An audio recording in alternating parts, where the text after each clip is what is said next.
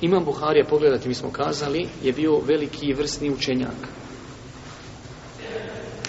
Prvo poglavlje dobročinstvo roditeljima i čovjek kada je shvatio obavezu prema roditeljima, kao da se postavlja pitanje, a Imam Buharija na njega odgovara. Dobro, ako ima naredba da se čini dobročinstvo roditeljima, postoji li određenu stepenovanje? Jeli su, jesu li oba roditelja na istom stepenu ili ne? Pa onda Imam Buharija odgovara i kaže, birrul um, dobročinstvo prema majci. I onda navodi ovaj hadis koji smo malo prije spominjali, da je Allahom poslaniku, tu salatu wasalam, došao čovjek, kaže Allaho poslaniće, vidite ovdje, znači, je treba biti poslušan? Po meni je, znači, ovaj prijevod malo diskutabilan i moglo bi se to malo bolje prevesti, kome je da čini dobročinstvo? Jer biti poslušan je nakon što ti naredi, a činiti dobročinstvo je veoma širi pojam. Pa kaže Allah poslanik svojoj majci. mi nakon toga? Kaže svojoj majci. mi nakon toga? Svojoj majci. Kome nakon toga? Svome babi.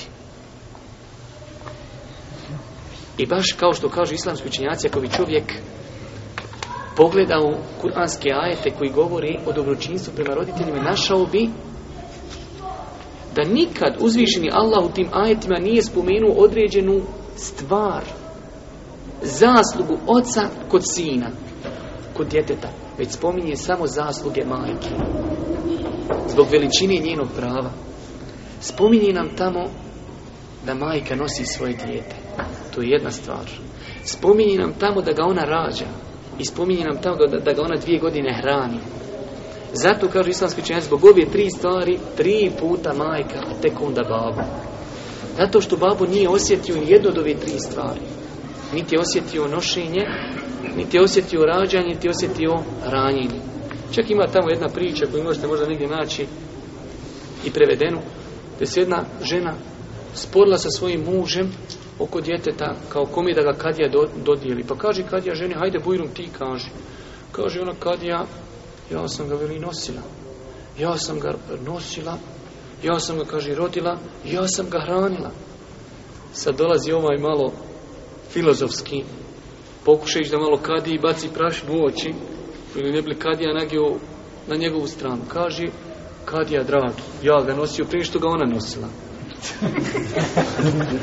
da prostite, kaže, kao onu, to je na arapskom puno manje vulgarno kod nas, pošto je takav jezik, ne možeš kod nje ima, znači roditi isti glav. Kaže on, ja ga rodio prije što ga ona rodila. Ili iz mene izišlo prije što je iz nje izišlo. I šta hoće sad ona?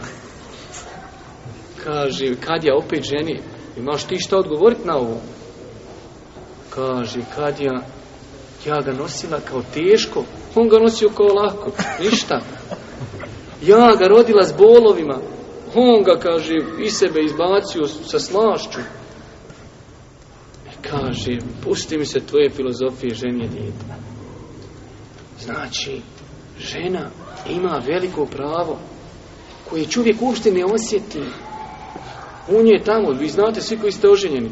Žena odjednom sjedi, dijete se keri tamo u stomaku, žena se fata za stomak, je noga, šta je, dijete tamo uprlo neki živac, ne mre žena pomakije čovječe. Či, vamo, ništa, prst tu, šta ti je žena, šta se ništa tu, damo, šta ti je. Ono se tamo rita kod tele. Kad se rađa, kako se rađa? Pa u nekog se ne može roditi. Otvaraj stomak, carski rez, pa bolovi, pa musibeti, pa vaku pa onako.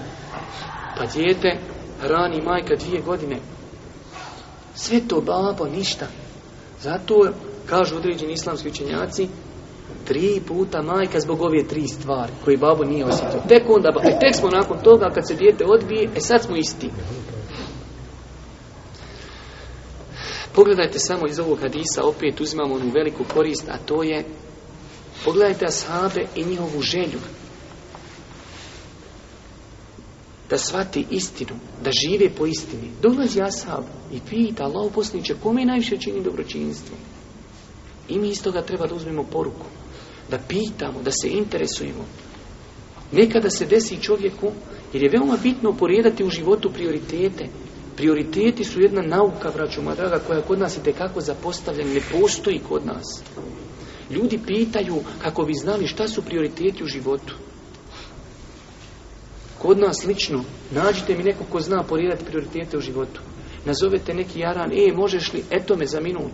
Nazove mama i babo, možeš li, brz sutra i kako. Što ja, zovi onoga starijeg, zovi mlađijeg, sam vam ja jedino dijete. A kad nazove jaran, tu sam, u ponoći, u dana. Prioriteti, vraću moja draga, zato vas ja pita, Ko je najpreći da mu čini dobročinstvo? Mama, mama, mama, babo. Znači velika je stvar, braću moja draga, da pitamo, ovaj, kak se zove, iz ovoga da uzmemo veliku korist, koliko su asabi tragali za znanjem, koliko su željeli da prioritete u svom životu poredaju ispravno. Također,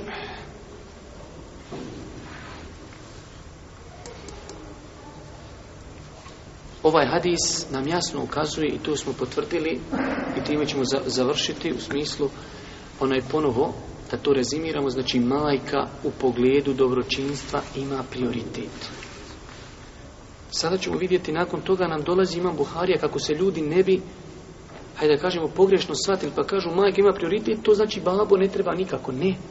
Vidjeli ste na kraju četvrti babo. I bavi se, je obaveza čin dobročinstvo. Samo je znači u pitanju, braću moja draga, redoslijed i prioriteti. Nakon toga imamo ovdje ovaj dodatak gdje kaže Allah nakon toga ocu, a nakon toga bližnjima pa bližnjima od rodbini. Isto tako znači prioriteti da ljudi što su ti rodbinski bliži sve su preći da im činiš dobročinstvo.